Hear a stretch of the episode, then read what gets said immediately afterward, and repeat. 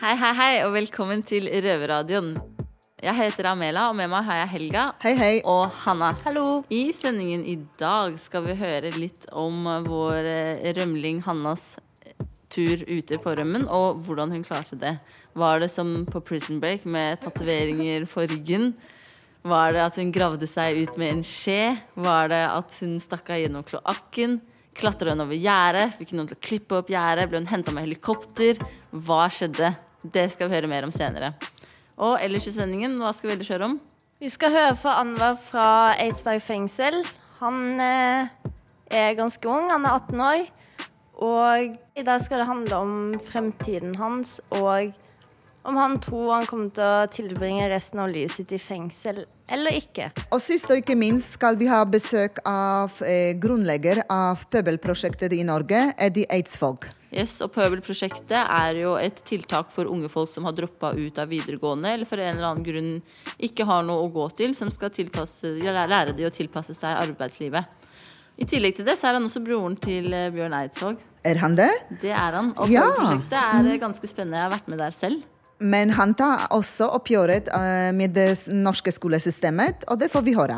Stemmer. Så da er det vel bare én ting å gjøre, eller hva, jenter? Ja, brorsan. Ja, Briri. Kjør sending, da.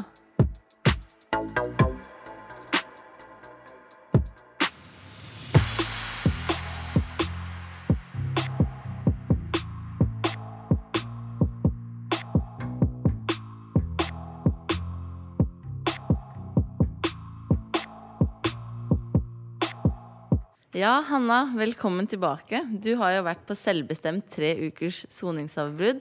Hvor gammel er du igjen, Hanna? Jeg ble 20 i sommer. Ja. Så ung og lovende. Ja. Så hva skjedde? Nei, altså, jeg Jeg rømte jo, da, fra Ja, fem dager etter jeg ble flytta ned til eh, åpen avdeling, så stakk jeg av. Hva er åpen avdeling? Nei, det Vinduene kan du åpne så mye du vil, uten gittøy. Og så er det ikke, fy, så er det ikke fysiske gjerder rundt Nei. stedet? Nei, Det er det ikke. Så det vil si at det er en helt annen type sikkerhet der enn det er her, på høysikkerhet. Ja. Så de har mer tillit til deg, da. Ja. Og dermed lettere å stikke av også. ja. Så hvordan stakk du av derfra? Det er jo telling fire ganger om dagen, så siste tellingen var klokka ni. Og så hoppa jeg ut vinduet og løp. Så tok jeg T-banen hjem. Uten at de oppdaga det. De merka det dagen etterpå på morgenen. Men når var det du egentlig skulle bli løslatt hvis du ikke hadde rømt? Jeg skulle egentlig ut på prøveløslatelse to uker etter jeg rømte. Men når du vet at du har en mulighet for å bli prøveløslatt eh, innenfor de neste få ukene, hvordan kan trangen da bli så stor at du ikke klarer å tenke logisk og tenke at du klarer å holde du har holdt ut så mange måneder at du ikke klarer å holde ut to uker til for så å bli løslatt? Altså, egentlig planen når jeg stakk av den kvelden, var jo å komme tilbake før nattvaktene eh, gikk av vakt, faktisk. Men uh, du fniser og ler hele tiden. Hvorfor ler du det bort? Syns du det er morsomt? Altså, det er jo litt lættis, da, fordi jeg har jo liksom Jeg visste ikke at jeg skulle stikke av eh, fra B2 før jeg dro ned dit. Men jeg har jo hele veien Vi har jo snakka mye, vi to, og jeg har jo sagt flere ganger at jeg har lyst til å stikke. Og Men det er jo ganske alvorlig å stikke av fra fengsel. ja, det, det Jeg vet jo det, men eh, jeg, jeg ser ikke på det på den måten. Altså. Men hva var det som gjorde at det var så ille å være der i forhold til å være her, da, på høysikkerhet? Jeg vet ikke, på lukka så går automatisk tiden fortere. Ja, jeg kan jo kjenne meg litt igjen i noe av det du sier, med at tiden går mye saktere på åpent enn det på lukka. Men var det, det var, ikke noe, var det ingen sånn spesiell grunn til at uh, du stakk av, bortsett fra at du kjeda deg? Jo, altså, jeg ville jo liksom se åssen det var å være ute, for det er jo ikke så lenge til jeg skal egentlig bli løslatt. Ja. Og så har de mer forventninger til deg. Og det liker de ikke. Nei. Hvorfor det? Nei, jeg vet ikke. Jeg er ikke så glad i det. At noen har noe eh, At jeg har noe å miste, da. At det liksom at betjentene har noe å ta meg på hele tiden hvis jeg gjør noe galt. At det hele tiden ligger sånn Ikke trusler, men at det OK, men hvis ikke du gjør det og det, ja, da kan du bli sendt tilbake til lukka og sånn. Jeg liker ikke å ha det på meg hele tiden. At noen skal bruke noe til at du vil bestemme selv, på en måte. Ja, jeg vil liksom Nå, nå som jeg er her på ja, den strengeste avdelingen nå, da, så er det mer sånn OK, men da har jeg i hvert fall ikke noe å tape. Det er ingenting her som betjentene kan ta fra meg, som jeg liker eller er glad i, da. Så det Så du blir litt sliten egentlig av å leve opp til de kravene deres hele tiden. Ja. Så da, da er det enklere å gi litt mer faen og Men det kan jo høres litt spesielt ut for folk at uh, du trives bedre på høysikkerhet enn på åpen avdeling. Ja, man stresser liksom gjennom hverdagen på lukka, men, for det er så lite utlåsning. Mens på åpen så er det åpent hele tiden. De låser ikke døra på natta. Det blir fort kjedelig, og alle som er der, har en jobb de går til. Det er ikke så mange folk å henge med heller. For de er liksom litt eldre og litt mer sånn slått seg til ro, hvis du skjønner. Men var det noe med at du ikke hadde noen å henge med også, at du følte at At du kanskje var litt ensom der? Ja, det var det, og så var det For jeg begynte jo Jeg fortsatte jo på skolen nede der, men eh, lærer. Men så følte jeg at jeg ikke fikk til eh, faget, da. At det begynte å bli litt vanskeligere, og Så da følte jeg liksom at det ble sånn ja, nå klarer jeg ikke det engang, så det blir jo ikke noe skole heller hvis jeg ikke klarer å komme over det, da. Så da ble det liksom mer sånn Ga litt mer faen, egentlig. Ga du opp? Ja. Jeg gjorde egentlig det, ass. Det er jo trist at det skal være sånn man kommer til åpen avdeling, og så gir man opp der. Ja, det, jeg vet ikke hvorfor, men det ble liksom Så var det liksom mange ting på én gang. mm, Så du føler deg egentlig tryggere på høysikkerhet. Ja. Men uh, alle kan vel være enig i at det er ganske idiotisk å stikke av fra fengsel når du er rett før løslatelse. Ja. Er det fordi du ikke bryr deg om det selv at du gjør det? Jeg vet ikke, ass. Jeg, jeg tror ikke det har noe med om man bryr om seg sjøl eller ikke, egentlig. Det er mer det at uh, Jeg hadde jo ikke stukket hvis jeg ikke hadde klart å holde ut her på lukka ja, noen måneder ekstra, da. Nei, for du var klar over at det kunne bli konsekvensen. Ja. Det, det var jeg fullt klar over. Så egentlig så ville du kanskje tilbake til lukka. Ja, jeg vil jo være ute òg, men altså, det skader ikke å være her litt uh... Men um, hvor lenge var du på rømmen, da? Akkurat tre uker i. Men uh, hvordan ble du tatt fra den lille ferien din? Eh, meg og typen min var på vei hjem, og så på natta og så sto det politi utafor blokka, og så ble vi pågrepet begge to. Så du oppholdt deg hos typen din hele tiden når du var på rømmen? Ja, og jeg har eh, registrert adresse der og Ja. Så det var egentlig bare spørsmål om tid før du kom til å bli tatt? Ja, ja. Jeg syns det er rart det ikke kom tidligere, liksom. Så da er vel, eh, kan vi runde av med det og si at det er jo ikke å anbefale å stikke av. Du mister ganske mye på det. Men um, gjort er gjort. Gjort er gjort.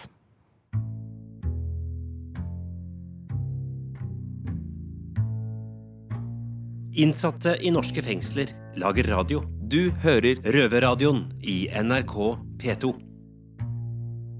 Du hører på Røverradioen fra Indre Østfold fengsel. Jeg heter Geir. Jeg står her med Anwar. God dagen, Anwar. Hallo, hallo. Du er ganske ung og sitter i fengsel for eh, andre gang. Er dette starten på en lang kriminell karriere? Uh, nei, det, det er ikke det. Det er ikke noe for meg, altså. Nei. Hvor, hvorfor det? Fordi jeg ser alle, alle andre innsatte som kommer inn og ut, inn og ut, eller som sier det, da. De har vært 13-14 år gammel kommet første gang i fengsel, og nå er de 40, 40 år gammel og ennå de sitter i fengsel. Ja, Og det er ikke noe for meg, altså. nei. Men uh, hva er noe for deg, da? Jobb, kone og barn og leilighet. Ja, normalt, godt norsk A4-liv på en måte. Ja. Uh, hva er det du føler at skal til for at uh, du skal oppnå de drømmene, da? Eh, jeg trenger gå litt på skole og sånn, som er litt av planene da jeg kommer ut. Hva ønsker du å utdanne deg som? Som bilmekaniker. Eh, fordi familien min har bilfirma, så jeg har lyst til å ta over og sånn, da. Ja, Så fremtidsplanene er eh, klare på en måte. Ja. Men eh, har du noen utdannelse fra før av? Nei, jeg har ikke så mye utdannelse, men jeg har fullført i grunnskolen. Jeg dro tilbake til hjemlandet mitt, Kur Kurdistan. Ja. Så jeg var der eh, Jeg gikk på skole der. Men eh, der ble man slått og sånn, så jeg likte ikke det. Eller, så ville jeg tilbake, så jeg kom tilbake. Så nå er jeg tilbake. Ja, det var vel sikkert greit å komme tilbake derifra. Men når du kom tilbake til, eh, til Norge fra Kurdistan, hva skjedde da? Da jeg ble flytta på institusjon, sånn barnevernet kom inn i bildet, da. Ja, ok. Og, men uh, hvorfor uh, gikk du ikke på skole når du var der? Uh, Jeg ble For da jeg satt på lukka avdeling, og liksom fare på rømning eller sånne ting, da. Ja. Så jeg ble nekta skole. Ja, ok. Så- Så når man sitter på lukka avdeling, så har man ikke mulighet til å gå på skole, da? Jeg hadde ikke det, i hvert fall. Men det er i hvert fall godt å høre at du faktisk ønsker å gjøre noe annet enn å eh, starte en kriminell karriere. At du ønsker et normalt liv og jobb og alt det der. Men uh, tusen takk for at du delte din historie med oss, eh, Anwar.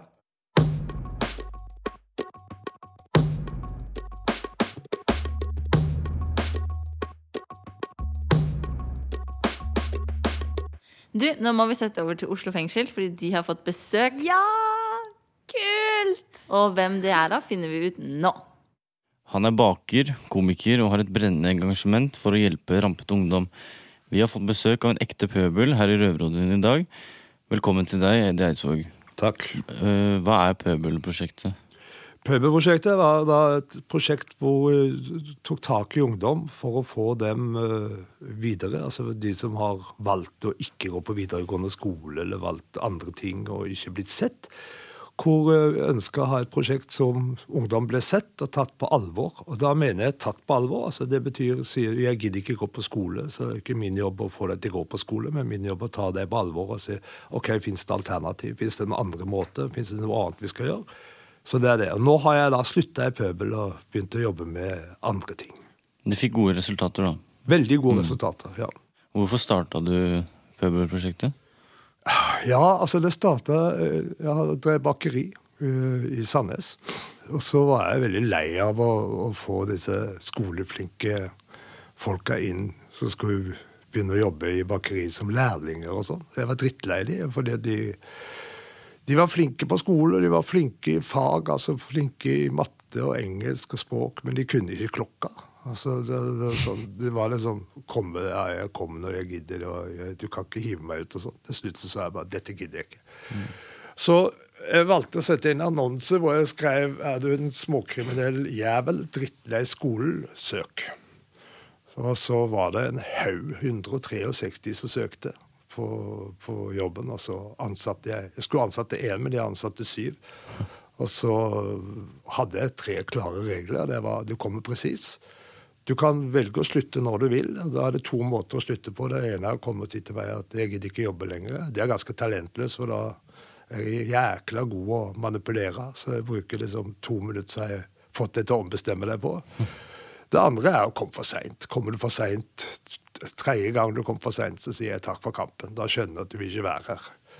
Og så den andre regel, det var at uh, hvis du er syk mer enn tre ganger i løpet av de tre første månedene uten sykemelding, så er du for syk. Da får du komme tilbake når du er frisk nok. Og det tredje er at hvis jeg sier du er rusa, så er du rusa. Da kaster jeg deg ikke ut. Da setter vi oss ned og så finner vi en måte å gjøre det på, slik at du kan pisse reint til slutt. Men du får beholde jobben, og så jobber vi med å få deg rein. Så det var de tre reglene. Og det funka, det. Det tror jeg du er veldig unik i forhold til mange andre arbeidsgivere. Mm. Så jeg tror folk mister fortere jobben sin hvis du er rusa i andre jobber, da.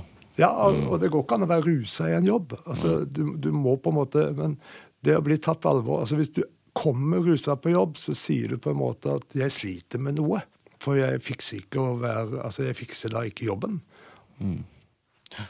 Eddie, jeg har vært i Pøbelprosjektet selv. Men nå sitter jeg jo her i Oslo fengsel. Hva er galt med meg? Er, ja, altså, Du spør meg hva er galt med deg. Jeg, jeg syns ikke det er noe galt med deg, om du sitter her eller hvor du sitter.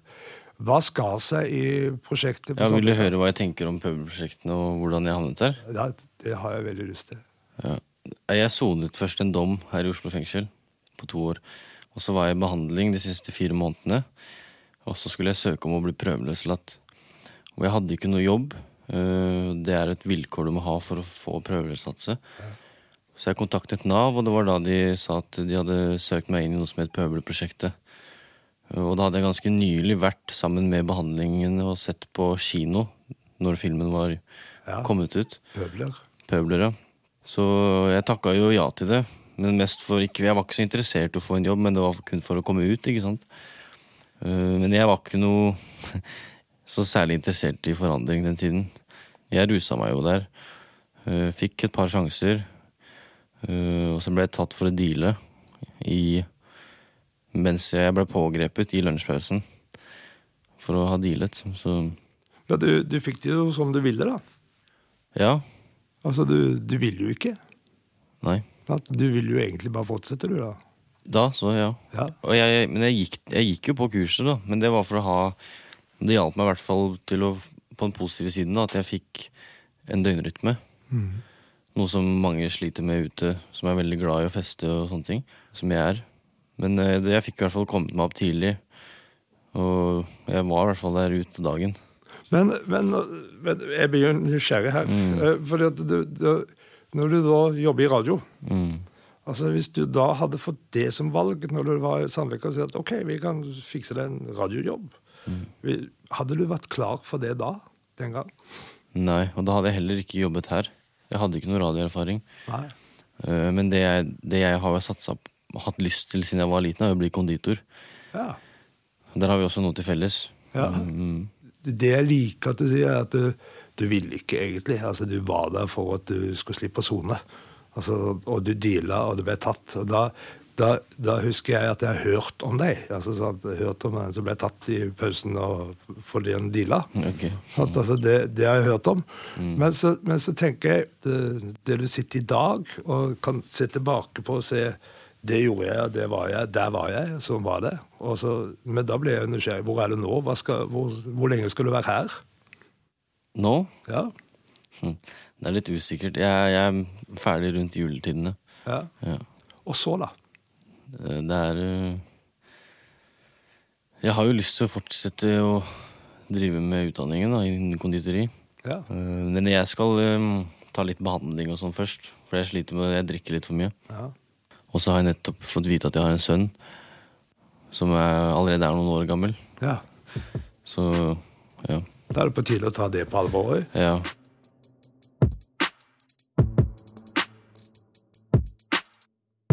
Innsatte i norske fengsler lager radio. Du hører Røverradioen i NRK P2.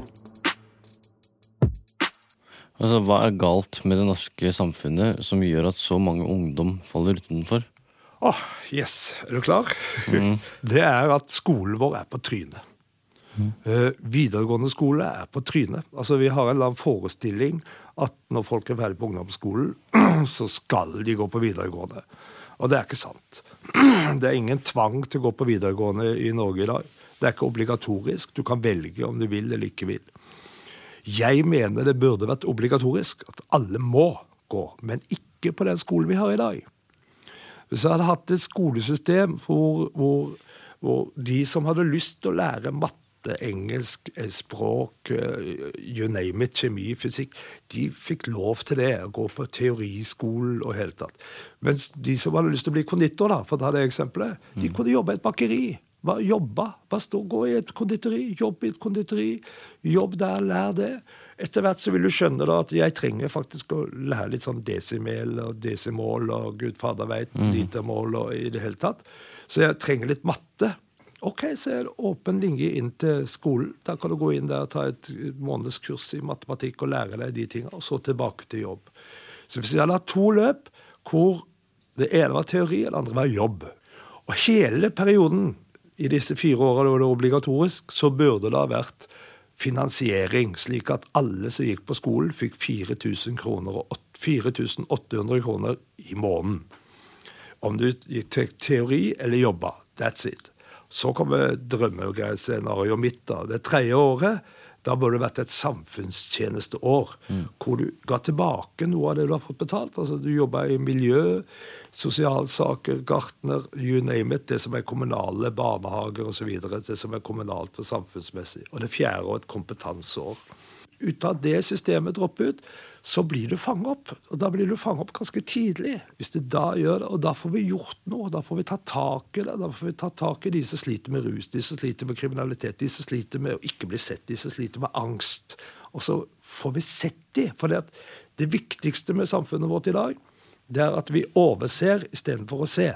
Det betyr ikke at jeg går til deg og sier du må bli som meg. Og i dag er samfunnet vårt bygd opp slik at du må ta den utdannelsen. Jeg gikk på videregående, jeg har den utdannelsen, jeg er sånn og sånn. Du må bli som meg. Sånn tenker samfunnet. Jeg sjøl droppa ut av niende klasse. Da etter det har ikke jeg noen skole i det hele tatt. Så jeg vet akkurat hva, hva det vil si å være ute og kjøre. Tror du Norge gjør alt vi kan for å hjelpe de som har havnet på skråplanen? Nei. Det tror ikke jeg heller. Nei, altså, vi, vi gjør ikke det. Altså, vi kan så mye. For, for å si det sånn 30% av norsk ungdom havner på skråplan. På et eller annet vis. Og skråplan for meg da, Når jeg sier skråplan, så mener jeg sånn i forhold til det man forventer uh, at det skal gjøre. Altså, Hvorvidt det er skråplan eller ikke, det er noe annet. Altså, det er en annen diskusjon. Men la oss si at 30% havner utafor, da. Dette betyr at vi har 30% lekkasje på humankapitalen vår, som er den viktigste kapitalen vi har, altså den menneskelige kapitalen. Hvis dette hadde vært i olja, så hadde det vært et egen statsråd som hadde dette ansvaret. Når oljekrisen var for to år siden i Stavanger, så kom de plutselig opp med 7 milliarder kroner for at de skulle få seg jobb, disse ingeniørene og alle sammen. Og ære være de for det. De syv milliardene der For syv milliarder kroner så skulle jeg klart å få 7000 ungdommer i jobb. Sånn, Altså, og da er det sånn Hallo! Hvor er, hvor, hva er hva? Hvem er verdifull? Er det mer verdifullt å være en ingeniør som har jobba på olja, enn å være en ungdom som er i starten av livet? Er det mer verdifullt? Og Jeg sier ikke det er mer verdifullt å være ungdom, selv om jeg mener det. Så sier jeg det ikke. Men jeg sier at vi må ha likeverd. Dette blir jeg forbanna på. fordi at jeg er god nok som den jeg er. Så er det nok av de som prøver å si til meg at jeg ikke er god nok. Men hvis jeg da ikke er god nok i matte, så betyr det ikke at jeg ikke er god nok som Eddie. Men Det betyr at jeg er faktisk god nok til å skjønne at jeg er ikke god nok til matte. Så da må jeg kanskje lære litt der, hvis jeg vil det. da. Nå gidder ikke jeg det, men altså hvis jeg vil det. Jeg vil være Eddie, og jeg vil være Eddie sammen med deg. Og så kan vi to skape noe sammen fordi vi har likeverd. Og da blir vi liksom to som kan nå akkurat hva vi vil. Det er det jeg brenner aller mest for. Nå blir jeg, kjenner jeg blir engasjert her. ja. Det er bra, det. Vi er jo i radio, så Ja. Men det er vel til syvende og sist opp til oss selv å få til en forandring. Ja. Men det, det er ja, det er helt riktig. Det er opp til deg selv, og opp til meg selv, å få til en forandring. Men forandring i samfunnet, det er noe som vi må skape sammen. Absolutt. Takk for at du kom, Eddie Eidsvåg. Takk for at jeg fikk komme. Jeg gleder meg til å se deg som konditor. Får håpe det skjer. Det er feil å si, vet du. Du skal si 'det skjer'.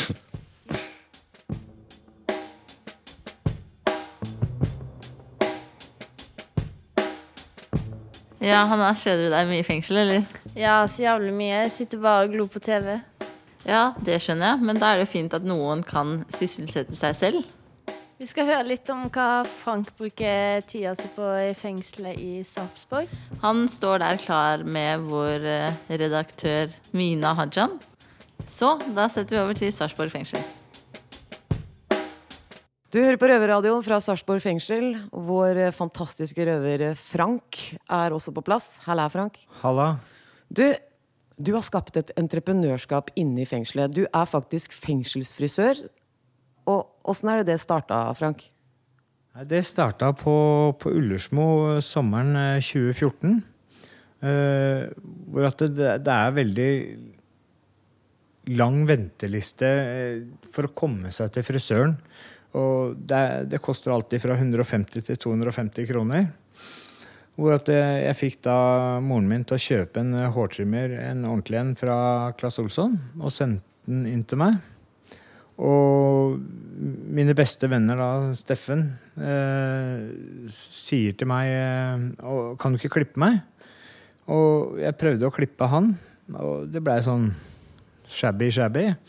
Og da kom det jo flere, ikke sant? Og så til slutt så begynner du å få litt dreisen på det.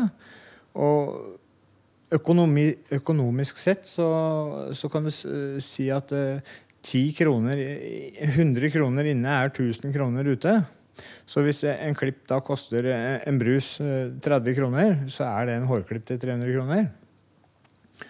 Eh, Så jeg begynte da å klippe folk der. Eh, Klippen er gratis, men har du lyst eh, å gi en brus for det, eh, så er det hyggelig. Men hvis du ikke får brusa, er det greit, det òg?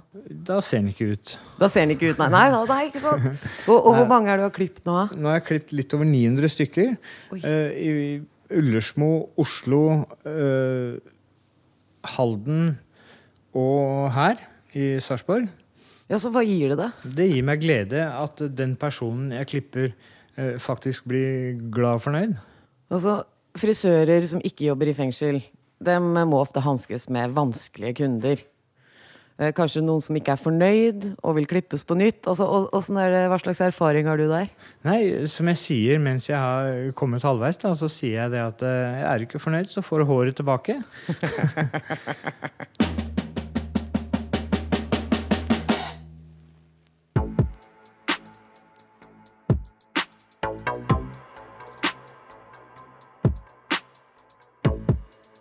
Da går dessverre Røverradioen mot slutten. Men eh, er det noe spesielt dere har fått med dere fra i sendinga i dag, da, bros? Ja, det var den historien som eh, Hanna har delt med oss og lyttere eh, om hennes rømningen. Det er ganske betenkelig hvordan man utlegger sin egen progresjon. Ja, det er trist, men sånt skjer. Sånt skjer. Og vi er, nå er du i hvert fall tilbake, og det er vi veldig glad for. Ja, jeg er glad for å være tilbake. Det er bra. Hva skal dere gjøre på cella i dag, da, jenter? Skal spise tunfisk og se på TV og, og så ut på luft. Ja. Tilbake til den gamle hverdagen nå som du er her igjen. Ja. Mm. Tunfisk er innafor. Ja. Neste uke så skal vi jo ha Somalia spesial. Så inntil neste gang, ciao! Ha det så lenge. Adjø. Røverradioen er laga for og av innsatte i norske fengsler. Tilrettelagt for streitinger av Rubicon for NRK.